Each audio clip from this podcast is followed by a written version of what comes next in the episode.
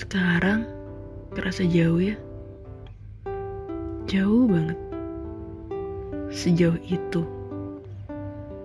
Sampai aku lupa kalau kamu udah bukan lagi rumah.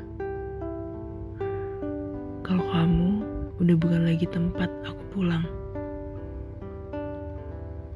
Tempat buat aku minta semangat. Walaupun kamu gak pernah kasih aku semangat. Entah di hubungan ini, kamu yang terlalu kuat menghindar, atau aku yang terlalu bodoh buat milih bertahan. Padahal udah jelas-jelas, kamu begitu kencengnya mundur ke belakang, tapi aku masih jadi si yang selalu berusaha menyamakan langkah. Yang ya, harusnya gak gitu.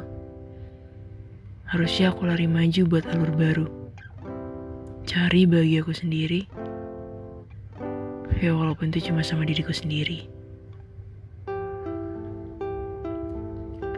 Dan entah ini, kamu yang lupa harus pulang ke aku,